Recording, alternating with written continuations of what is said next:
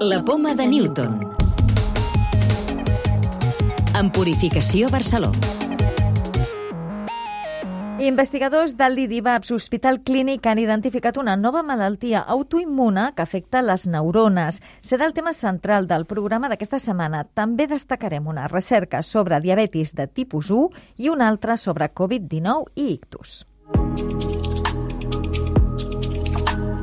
La nova malaltia descoberta per investigadors catalans és un tipus d'encefalitis, és a dir, una inflamació de la zona cerebral del cerebel causada per un mal funcionament del sistema immunitari. Ho explica Lídia Sabater, una de les responsables de la investigació. Les teves defenses, que haurien de protegir-te contra infeccions, s'equivoquen i produeixen anticossos que t'ataquen, en aquest cas, les neurones. Van veure que teníem un grup de malalts sense un diagnòstic clar i amb símptomes en comú. Tenien afectat el cerebel, que és una part del cervell que controla equilibri i moviment. I quins símptomes provoca la nova patologia?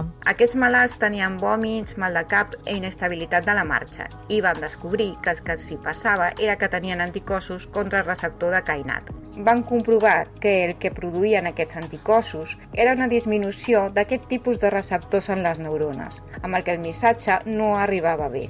També tenien alteracions dels impulsos cerebrals, la qual cosa afectava la comunicació entre neurones.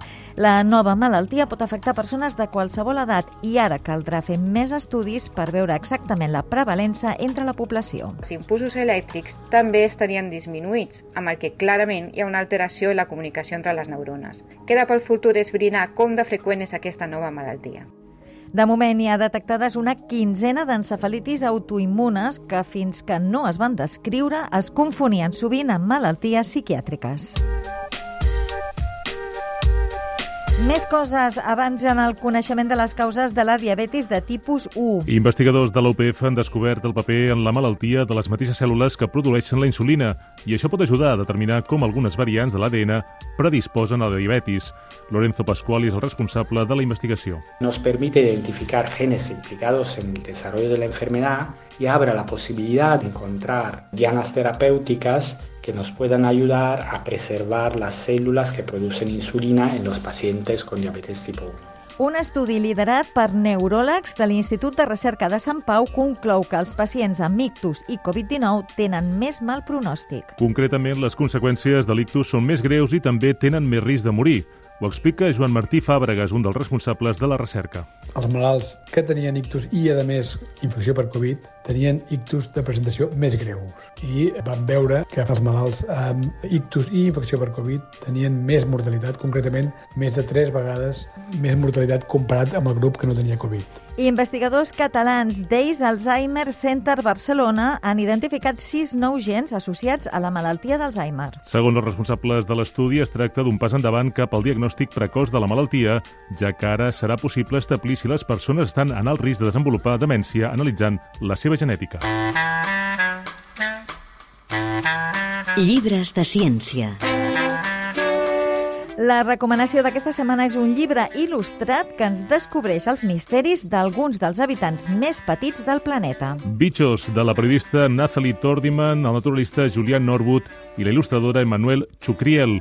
És un complet àlbum ple de dibuixos i d'informació que pot agradar a totes les edats.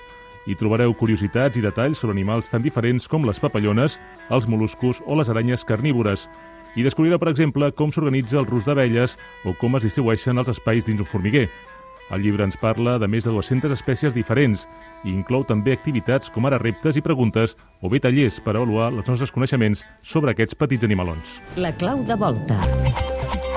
Com es formen les estrelles? Héctor Gil, investigador júnior líder de la Caixa a l'Institut de Ciències del Cosmos. Totes les estrelles es formen a partir del col·lapse gravitatori de núvols de matèria interestel·lar, principalment formats d'hidrogen molecular i d'heli. El col·lapse gravitatori d'aquests núvols pot venir desencadenat per la col·lisió d'un o més d'aquests núvols o per les pertorbacions originades per l'explosió d'una supernova propera. Un cop el col·lapse del núvol ha començat, per tal que es pugui formar l'estrella, es requereix un mecanisme de refredament per tal d'eliminar l'agitació tèrmica de l'hidrogen molecular i l'heli. Aquest mecanisme de refredament és la radiació electromagnètica.